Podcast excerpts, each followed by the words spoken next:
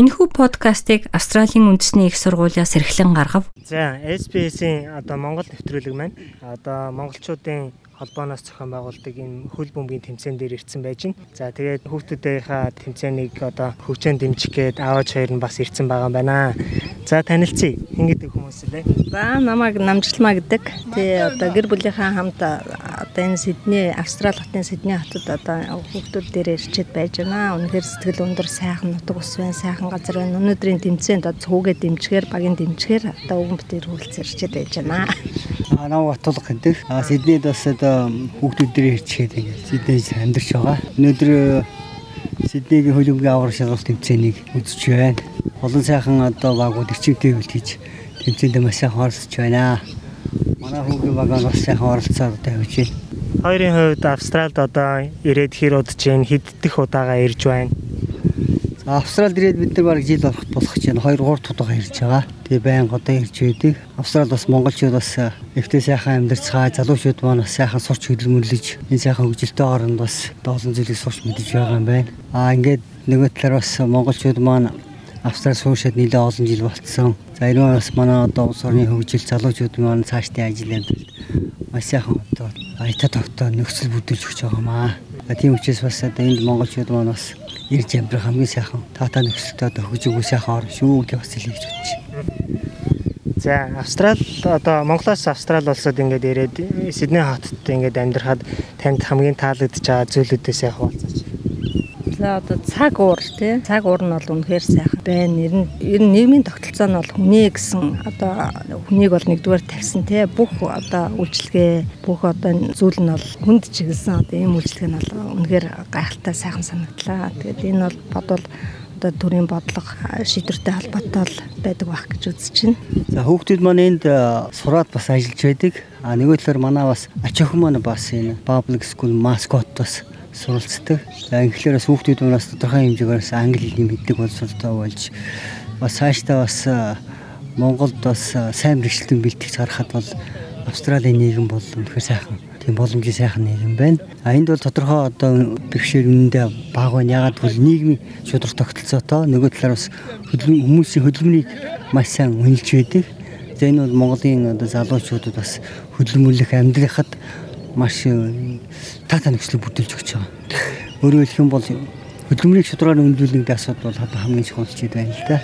А нөгөө талаар сүүлийн үед бас Монгол манай залуучуудын маань англи хэлний мэдлэг боловсрол бас дэлхийн өндөр хүчтэй улс орнуудтай танилцах. Цаашдаа одоо улс орноо хөгжүүлэхэд тийм ээ ийм оронд амьдрна гэдэг бол үнэхээр сайхан одоо туршлага мэдлэг боловсрол а ер нь цаашдаа улс орноо хөгжүүлэхэд бас ингэж хөгжүүлэх боломж бас байдгийм байх гэж харах тийм сайхан бодит одоо амьдралыг харуулж ирэх гэсэн үг. Энэ нь бол үнэхээр юу их таатай боломж. Ерөнхийдөө одоо гадаадын олон оронд манай монголчуудын одоо энэ төрийн бус байгууллага. Тэр төрийн бус байгууллагууд ажилладаг. Тэр улс орнуудаас хамгийн сайн зохион байгуулалттай хамгийн сайн ажилтг нь бол би Сиднейгийн одоо монголчуудын болов гэж би хувьдаа бодож байгаа. Тухайн нийгэм бол хүмүүсийг бол бас аяндаа нийгмийн тогтолцооны хүмүүсийг одоо хүмүүжүүлдэг ч гэдэг юм уу Тэгээд тийм болоод ч тэрөө эндхийн залуучууд бие биендээ айгүй хүндэтгэлтэй ханддаг. Аа бие бинийгээ айгүй Монголоос ирсэн хүмүүсээ шинэ хүмүүсийг бол айгүй хүлээж авч тий одоо ажилдаа төрөлтөө болоход нь бие биенийхээ төлөө санаа тавьдаг одоо хариуцлагагүй алхам хийсэн бүрд нь би энийгээ шүмжилж чаддаг.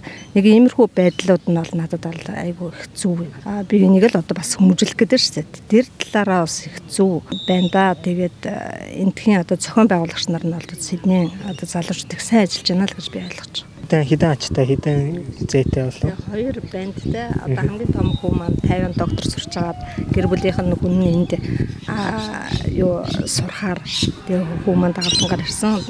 Ач маань 6 настай баг хүү маань бол одоо энд өөрөө сураад ажиллаж байгаа. Ач нартаа монгол хэлийг энд байх хугацаанд зааж өгч гин үү? Тэр ч одоо англиар та хоёртай ярьж гин үү? Яаж юм? Ерөнхийдөө одоо энд ирээд 8 9 сарын хугацаанд бол англиар бол тэр хүүхд бол шууд одоо ярьдаг, ойлгодог тийм чадварт суралцж байна. Аа 1 жил, 2 жилийн дараа бол бид нар яг төрлөх хэлийг одоо бүрстэ бодлогоор ч гэдэг юм уу аль биесоор ингэж хүүхдэд ингэж зааж сурах нь зүйтэй юм уу?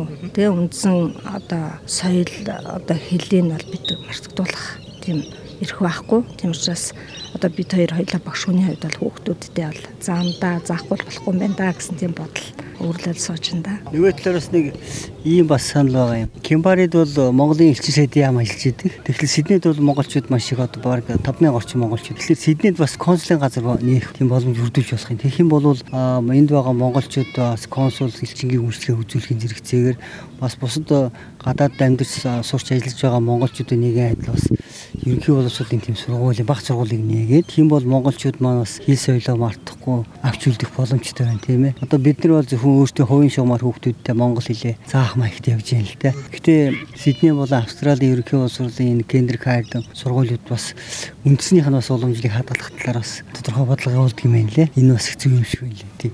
Тийм учраас монгол хүн хүүхд монгол гэдгийг бас сайн мэдэрч явах хэрэгтэй тул монгол хэлээрээ бас ярьдаг байх шаардлагатай. Тэгэхээр энийг бас Монгол улсын гадаад бодлого, элчингийн бодлого бас энэ тал руу бас гадаад ажиллаж амьдарч байгаа монголчуудын төрийн бас байгууллагатай хамтран ажиллах явдал хамгийн чухал гэж бас бодож байдаг. Сайн санаа. За тэгээ нэг байдлаар одоо энд амьдарч ажиллаж байгаа монголчуудаа юу захиж хэлдэг хамгийн гол нь бол хүүхдүүд маань зарсан зорилгоо биелүүлэх хэрэгтэй. Тэгээд хүүхдүүд маань нийт монголчууд маань залуучууд маань эрүүл байгаасаа гэж бодож байна. Тэ. Тэгээд зорилгоо биелүүлээд их нутагта нэгэн нэгэн цагтын сайхан залуучууд маань тэр эрдмийг өөрлөлтөд одоо очно гэдэгт итгэлтэй байгаа. Аа ер нь монголчууд э, бас их хинээр эв найрамд маш чухал. Монголчууд э, гадаад гараад амьдрахтаа маш эв найрамдалтай маш их нөхөрсөг Монгол хүн нэг нэг айгүй хүндэлдэг ийм байдал бол маш сайн үзэгдэж байна.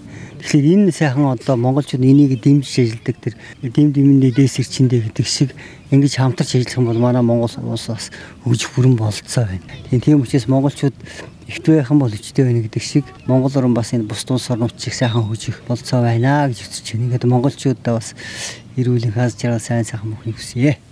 Аа. За баярлалаа. Монгол өв уламжлал Монгол гэсэн өрмөц онцлогоо бид хэрхэн хадгалах вэ? Австралийн тэргуулах зэргийн их сургууль болох Австралийн үндэсний их сургууль нь монгол хэлний онлайн курсыг танд санал болгож байна. Монгол хэлийг сурснаар танд өөрийн сурлага, ажил мэргэжилдээ цааш дахин дэвших боломж гарах болно. Монгол хэлийг бүх шатнд сурч болохоос гадна та хаанч амьдардаг байсан зайнаас сурах боломжтой юм. 2020 оны эхний улирлын эсэлд 12 сард эхлэх болно. Дэлгэрэнгүй мэдээллийг Asia Pacific цэг, ANU цэг, EDU цэг, AU зураас Languages холбоосоор орж авна уу?